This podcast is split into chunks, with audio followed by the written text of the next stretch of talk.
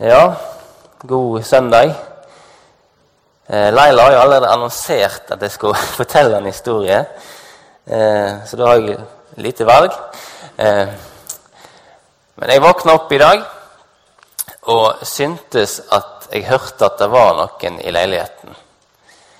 Eh, jeg snudde meg rundt og så på, eh, på madammen, og hun lå og sov, så det var ikke hun som lagde lyd.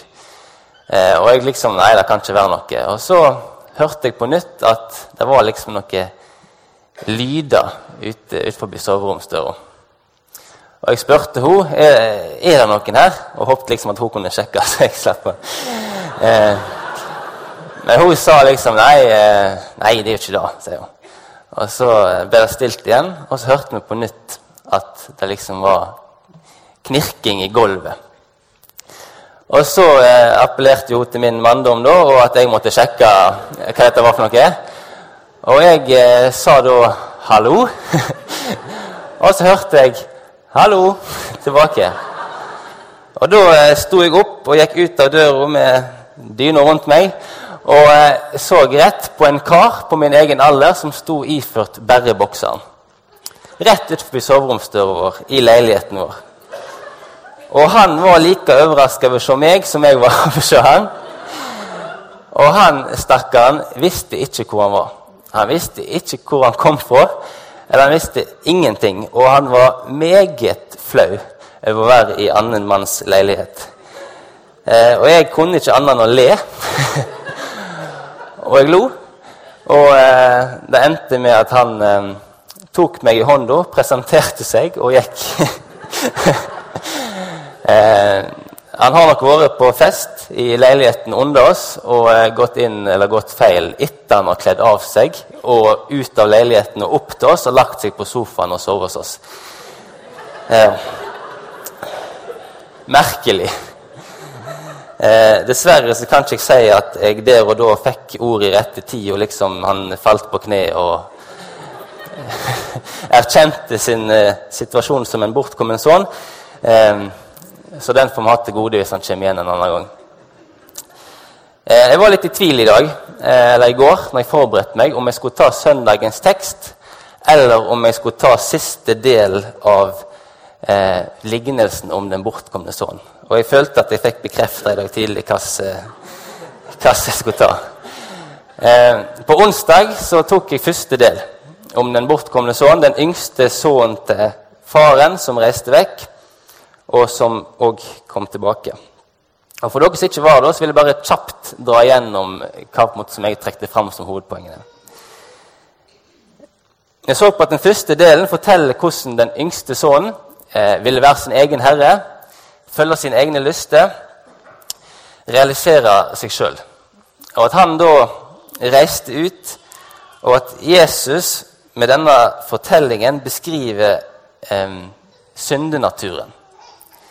Mitt, min vilje, mitt indre og mine tanker i meg sjøl.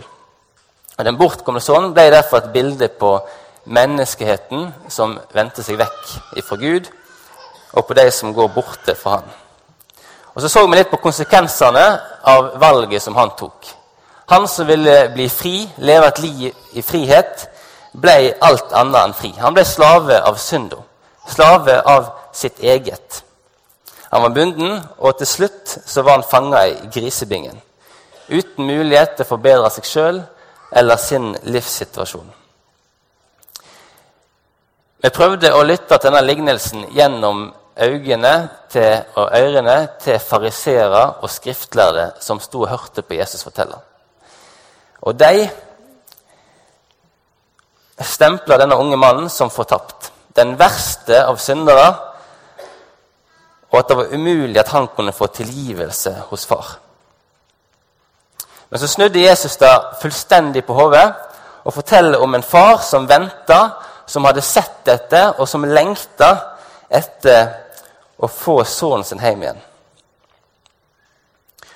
Og når han endelig får øye på sønnen sin, så på nytt så legger han liksom til sides egen stolthet og egen ære og springer i møte midt på lyse dagen med sønnen sin som er skitten, ynkelig og herja av synd. Og i den ydmykelsen som faren pådrar seg, skammen som han på nytt påfører seg i å springe ut på høylys dag i møte med en som var avvist og regna som død, så gir Jesus oss et bilde av seg sjøl.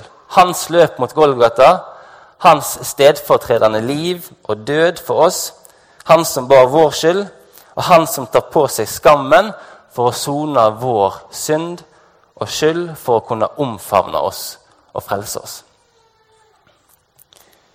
Med denne fortellingen så sier Jesus til syndere og tollere og til fariseere og skriftlærde at uansett hva et menneske gjør, uansett hvor lavt det synker eller hvor langt det går, uansett så leter Gud, og Gud tar imot når det kommer. Dagens tekst er den siste delen av denne lignelsen, som handler om den heimeværende sønnen. Og Vi stiger på nytt inn i tanken til de som lytter til Jesus forteller. Skriftlærde og fariseere som høyt hever moral og krav for å komme inn i Guds rike. Og tollere og syndere som på en måte hadde trakka uti det og var det motsatte av de skriftlærde og fariseerne. Vi skal lese fra Lukas 15, vers 25-32. Nå var hans eldre sønn ute på marken. Og da han var på hjemvei og nærmet seg huset, hørte han musikk og dans. Så kalte han på en av tjenerne og spurte hva alt dette skulle bety. Han sa til ham, Din bror er kommet, og fordi din far fikk ham tilbake i beste velgående, har han slaktet gjøkalven. Men han ble harm og ville ikke gå inn. Derfor kom hans far ut og bønnfalt ham. Så svarte han med å si til sin far.: Se, i så mange år har jeg tjent deg. Jeg har aldri noensinne overtrådt ditt bud. Likevel har du aldri gitt meg så mye som et kje, så jeg kunne ha fest sammen med vennene mine. Men så snart denne sønnen din kom, han som har sløst bort arven etter deg sammen med skjøger, da slaktet du gjøkalven for ham. Og han sa til ham, Sønn, du er alltid hos meg, og alt mitt er ditt. Men nå er det rett at vi skulle fryde oss og være glade. For din bror var død og er blitt levende. Han var fortapt, men er funnet. Kjære Jesus. Dette er din egen forkynnelse. Dine egne ord jeg ber deg om at det kan være budskapet som du mente å si den gang, som òg møter oss i dag. Gi meg nåde til å formidle, og gi oss nåde til å lytte og ta imot. Ditt navn. Alle mennesker er på bunnen like. Alle mennesker har med seg arven fra Adam, den syndige naturen. Det samme er utgangspunktet, samme situasjon overfor Gud. Vår egen vilje står i fiendskap til Han og kan ikke og vil ikke bøye seg for Han, Hans bud, Hans vilje. Alle har synda og står uten ære for Gud. Enegga tvillingpar bærer de samme genene. De ser ofte helt like ut. Men i løpet av oppvekst og etter hvert som de blir eldre, så kan de utvikle seg til å bli forskjellige som personer, til tross for det samme utgangspunktet, den samme genmaterialet. Ulike interesser, og de kan oppføre seg ulikt.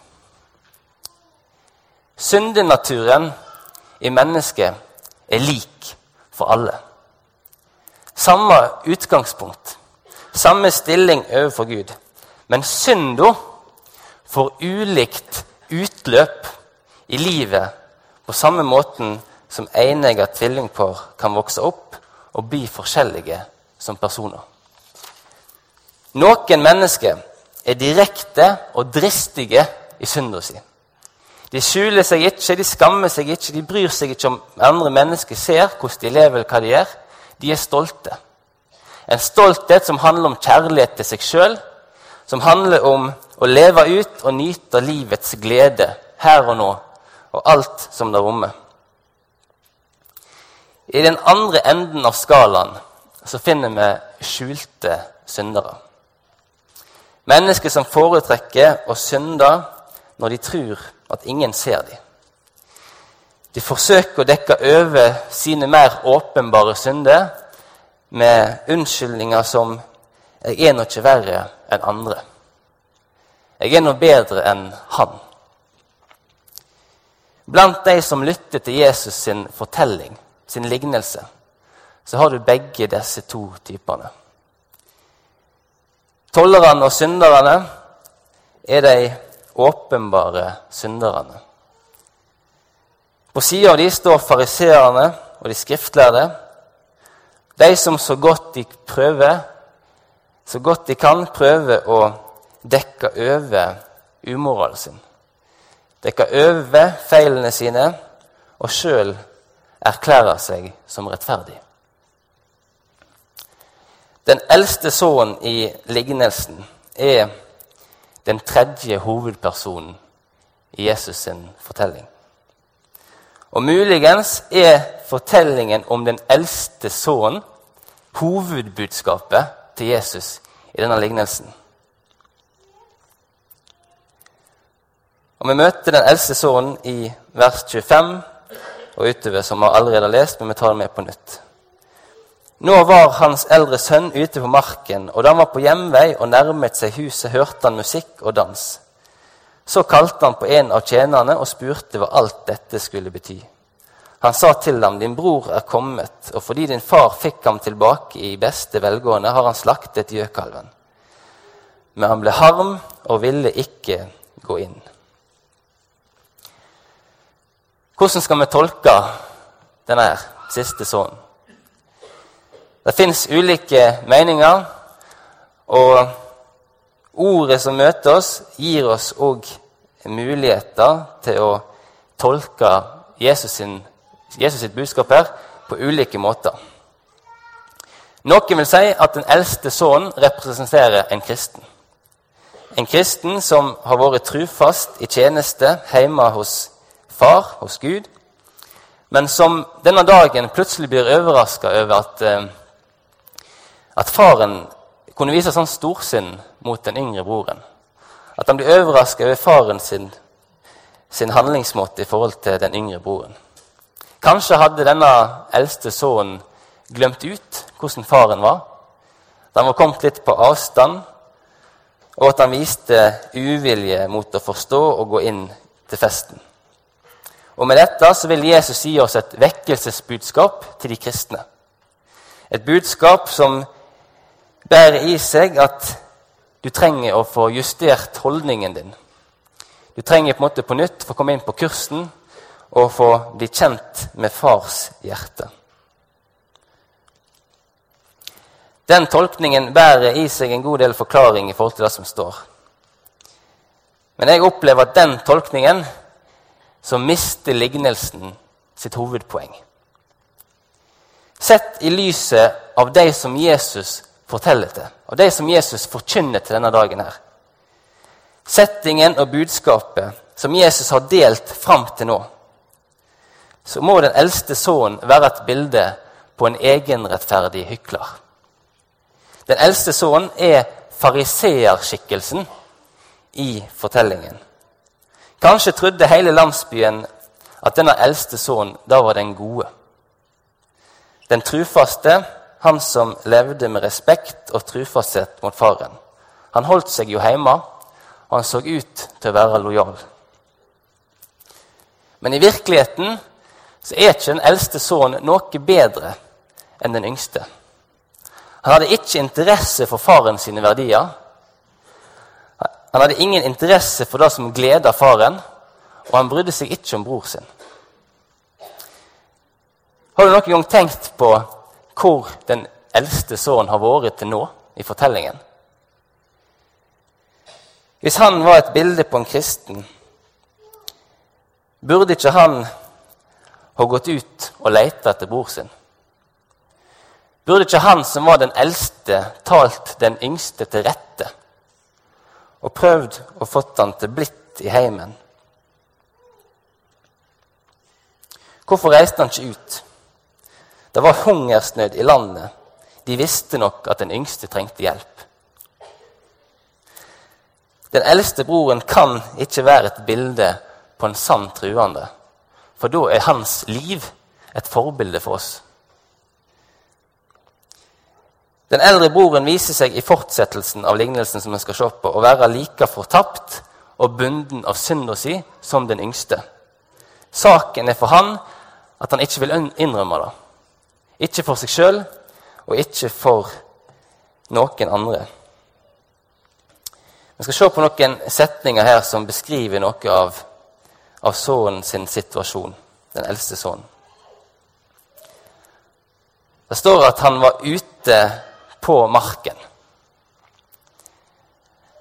Han var iallfall så langt vekke at han ikke hadde fått hørt at broren var kommet hjem. Han hadde ikke fått hørt at faren hadde tatt imot broren, mot alle odds. Ikke fått med seg invitasjon om festen som skulle holdes samme kvelden. Og når sønnen kommer hjem, så er festen i full gang. Han er helt uvitende om alt som har skjedd. Han har ikke fått med seg noe. Og Kanskje kan dette være et bilde på at den eldste sønnen ikke hadde noe bedre forhold til faren enn den yngste. Begge faren sine sønner kommer hjem til samme mottakelse, men de viser ulik holdning. Den eldste sønnen springer ikke hjem når han merker at det er dans og spill og det er feiring i heimen hans. Han blir ikke opprømt over tanke på at noe har utløst en sånn glede i heimen hans at det spontant blir lagt til fest. Han går heller omveien for å finne ut hva som skjer. Han er mistenkelig, og han går til en av leiekarene. Og Når han får vite hva som har skjedd, så reagerer han med umiddelbar sinne, og han nekter å gå inn. Han blir på mange måter som en en trassig unge som stiller seg på bakbeina. Han blir rett og slett fornærma. Og I møte med faren så får vi høre hva som rører seg på innsida hans. I 29 og 30. Så svarte han med å si til sin far.: Se, i så mange år har jeg tjent deg. Jeg har aldri noensinne overtrådt ditt bud. Likevel har du aldri gitt meg så mye som et kje, så jeg kunne ha fest sammen med vennene mine. Men så snart denne sønnen din kom, han som har sløst bort arven etter deg sammen med skjøger, da slaktet du gjøkalven for ham. Se, i så mange år har jeg tjent deg. På mange måter en positiv setning, men det ligger en slags anklage i det. Den eldre broren avslører at alt han hadde gjort, hadde vært som en form for tvang. Ikke med glede, ikke med takknemlighet, men som en slags tvang. I hans tanke så hadde tjenesten hos far vært et slags form for slaveri. Men hvorfor hadde han fortsatt å være der, da? Hvorfor hadde ikke han reist ut sånn som den yngste? Kanskje var det fordi at eh, den eldste sønnen skulle få dobbel arv. Han var førstefødt den største og beste delen av eiendommen. I bunn og grunn ønska han kanskje på samme måten som den yngste at faren var død. Sånn at han kunne begynne å leve sitt eget liv, være sin egen herre. Men han hadde ikke dristigheten til broren. Han tørte ikke, han hadde ikke mot til å reise. For han var det lettere å bli og vente på farens død, så han kunne overta og få det sånn som han ønska seg. Han sier 'aldri har gjort mot dine bud'. Den eldste broren avslører sin vurdering av seg sjøl. Han argumenterer med gode gjerninger, tatt gode valg, og han ser på seg sjøl som god. Hykleriet hans var så stort at han trodde på det sjøl. Så sier han, men da denne sønnen din kom, han som sløste bort formuen din sammen med skjøger, da slaktet du gjøkalven for ham. Med uttrykket 'denne sønnen din' så distanserer han seg fra sin egen bror. Hadde han hatt noe som helst omtanke for bror sin, så hadde han iallfall sagt 'bror min'. Men han sier 'denne sønnen din'. Så slenger han ut med hensikt beskyldninger mot bror sin om grove synder som etter Moseloven fortjente dødsstraff. Og på mange måter så beskylder han far sin for å være hykleren. At broren burde vært død, og at da var den rette behandlingen som faren burde gitt han. Faren han kjente nok sønnen sin. Han visste nok hva som bevegde seg på innsida hans, og hvordan han tenkte om sitt eget liv og om seg sjøl. Og til og med etter sånne verbale angrep som han nå har avfyrt mot faren, så besvarer faren den eldste sønnen med nåde. Barn, du er alltid hos meg, og alt mitt er ditt. Faren sin tone var sikkert full av sorg og smerte i møte med sønnen som avslørte en sånn holdning. Men i stedet for å sette hardt mot hardt så minner faren den eldste sønnen om plassen han hadde i heimen. Han gav sønnen en forsikring om at han elska han like høyt som den nå heimvendte sønnen. Han minte han om alle rettighetene han hadde hjemme. Rikdommen som allerede var hans. Om den fulle bruksretten som han hadde ved eiendelene. Lignelsen den gir oss ingen tegn på at, at denne sønnen svarer på faren sitt utsagn. På mange måter virker det som at hjertet hans var hardt. Allikevel så kommer faren med en slags siste appell. Et slags siste forsøk på å nå inn til sønnen sin. Og Det er den samme appellen som er gjengangstema i de tre lignelsene som vi finner i Lukas 15. Nå burde vi fryde oss og være glade, fordi denne broren din var død og er blitt levende, var tapt og er funnet. For faren var det det mest naturlige som kunne skje. At det skulle være fest og glede i heimen når den bortkomne sønnen var kommet hjem. Det ville vært helt feil å ikke feire og glede seg. Og mellom linjene så kommer faren med en slags bønn til sønnen sin. Vi vil glede oss over deg òg, hvis du kommer. Dette er sluttscenen i Jesus' sin lignelse, som vi kaller 'Den bortkomne sønn'. Og Han er ganske spesiell.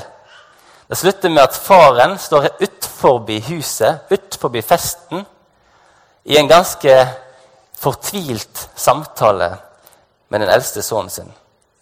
Og Denne scenen settes opp mot gleden, festen og bildet over den enorme gleden som er i himmelen når en synder vender om. Og Så slutter Jesus lignelsen her. Utenfor huset, vekke fra festen, uten noen endelig avslutning på lignelsen en spesiell avslutning. I virkeligheten var denne avslutningen Jesus sin appell til fariseerne som lytta. I virkeligheten er avslutninga på denne lignelsen en appell til alle mennesker som i alle tider har lytta til lignelsen. Ved å avslutte denne lignelsen sånn litt hengende i lufta. Så lar Jesus det være opp til de som lytter, å bestemme slutten. responsen som blir gitt på Jesus sin forkynnelse om Guds farshjerte, er avslutningen på lignelsen. Fariseerne og de skriftlærde de avslutta lignelsen sånn. Den eldste sønnen ble rasende på sin far. Han grep en stokk og slo ham til døde rett framfor øynene på oss alle. Den eldste sønnen ble rasende på sin far. Han grep en stokk og slo ham til døde rett framfor øynene på oss alle. Kort tid etter Jesus har sagt denne lignelsen, blir han grepen, dømt og spikra til et kors og dør. Etter Jesus var død, gratulerte fariseerne hverandre med seieren. De gratulerte hverandre med at de hadde gjort det rette. De hadde sikra sin egen ære, de hadde sikra tradisjonene, de hadde sikra religionen sin. Endelig så fikk denne lignelsen til Jesus, som hadde vært så full av motstridninger, en rett slutt. Og rett slutt ble det. Når fariseerne gjorde sitt verste mot Jesus og avslutta lignelsen, så fullførte de Guds plan i forbegynnelsen. Jesus sin død var ikke slutten på lignelsen. Grava kunne ikke holde han. Døden kunne ikke binde han. Han sto opp til vår rettferdighet, til vår rettferdiggjørelse. Han fullførte Guds gode plan. Han utsletta skyldbrevet som sto imot den åpenbare synderen og den skyldte synderen. Jesus vil med lignelsen sin si samme om livet ditt er et liv i åpenbar synd, om du bor i Nygårdsparken, eller om du driver med andre ting som er åpenbare synder, eller om du sitter i Betlehem en søndags formiddag, så trenger du like fullt Guds nåde. Uavhengig av hvordan synda blir uttrykt i livet ditt, uavhengig av hvor tydelig den er, så trenger du Guds nåde.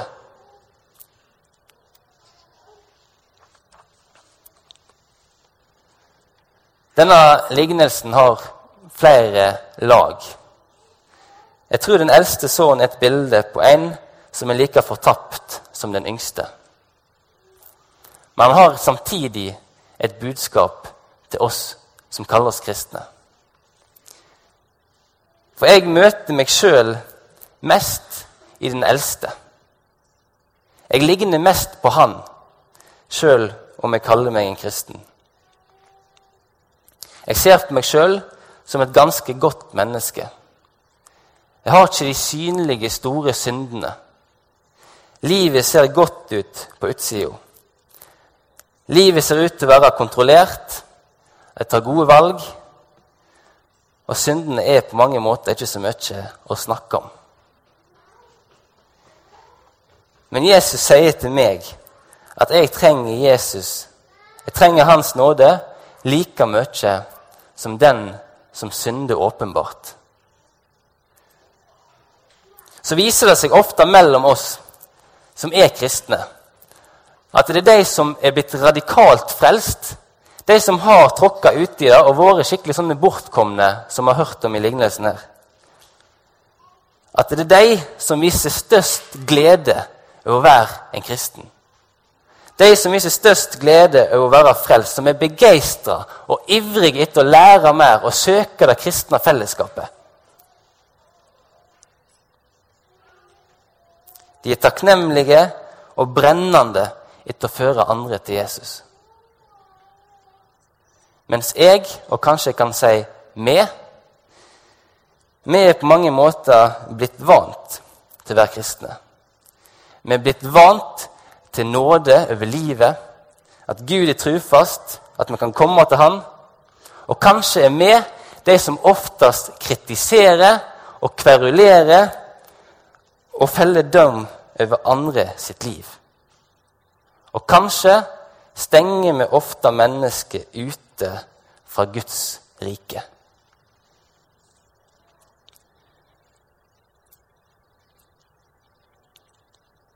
Alvorlig. Har du tatt for gitt at du er innenfor i Guds rike? Har du tatt for gitt at du er frelst? I din hverdag, i ditt liv, har du bruk for Guds nåde. Da tenker jeg ikke på en Gud som er en hjelper i sykdom, i nød, i eksamenslesing, i å få ungene til barnehagen. Jeg tenker på Gud som gir deg nåde for dine synder. Han er alt det andre òg. Men du trenger først og fremst en frelser. Og En har sagt det sånn at hvis du slutter å synde, så slutter Jesus å være din frelser. Hvis ikke du har synd i livet ditt, så har ikke du behov for en frelser. Hvordan er det med deg? Har du tatt for gitt at du er innenfor i Guds rike? Den eldste sønnen han bodde hjemme hos faren. Men mye tyder på at han ikke kjente faren sin for det. Og Det ser ut til at han var like fortapt som sin yngre bror hadde vært. Er det deg? Kanskje har du gått inn og ut av dørene i Betlehem lenge. Men så eier du ikke Jesus. Du deltar i fellesskapet, men du har ikke fellesskap med Gud.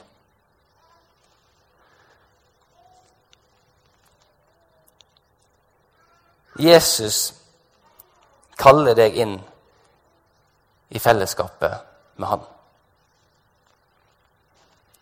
Han karen som eh, jeg tok på fersken i leiligheten vår i dag tidlig, han var utrolig flau der han sto.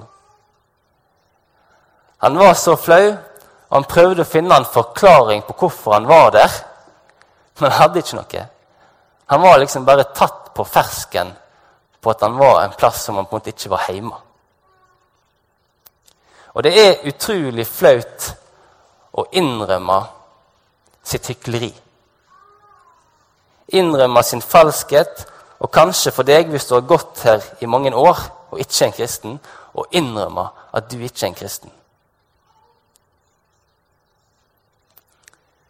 Men du vil få et helt annet liv i fellesskapet når du kommer inn i fellesskapet med Gud. Når du får fred med Han fordi du tar imot Jesus som din Herre og Frelser. Når du blir satt fri fra dine synder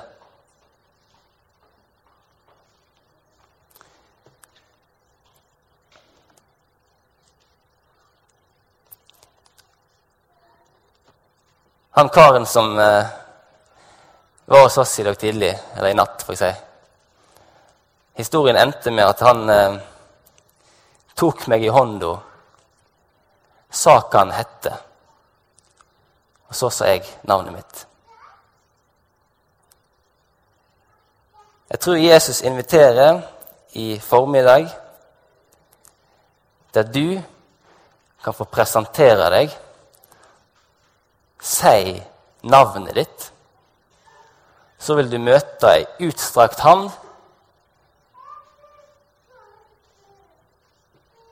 og et navn tilbake. Jesus Kristus, Messias, din frelser. Jesus, hvis det er mennesker iblant oss som du ønskte å kalle spesielt på nå. Ber jeg deg om at du gir kraft og nød og frimodighet til å komme fram fra skyggene, til å stige ut fra mørket, til å bekjenne, til å presentere seg og si hva, de heter. Amen.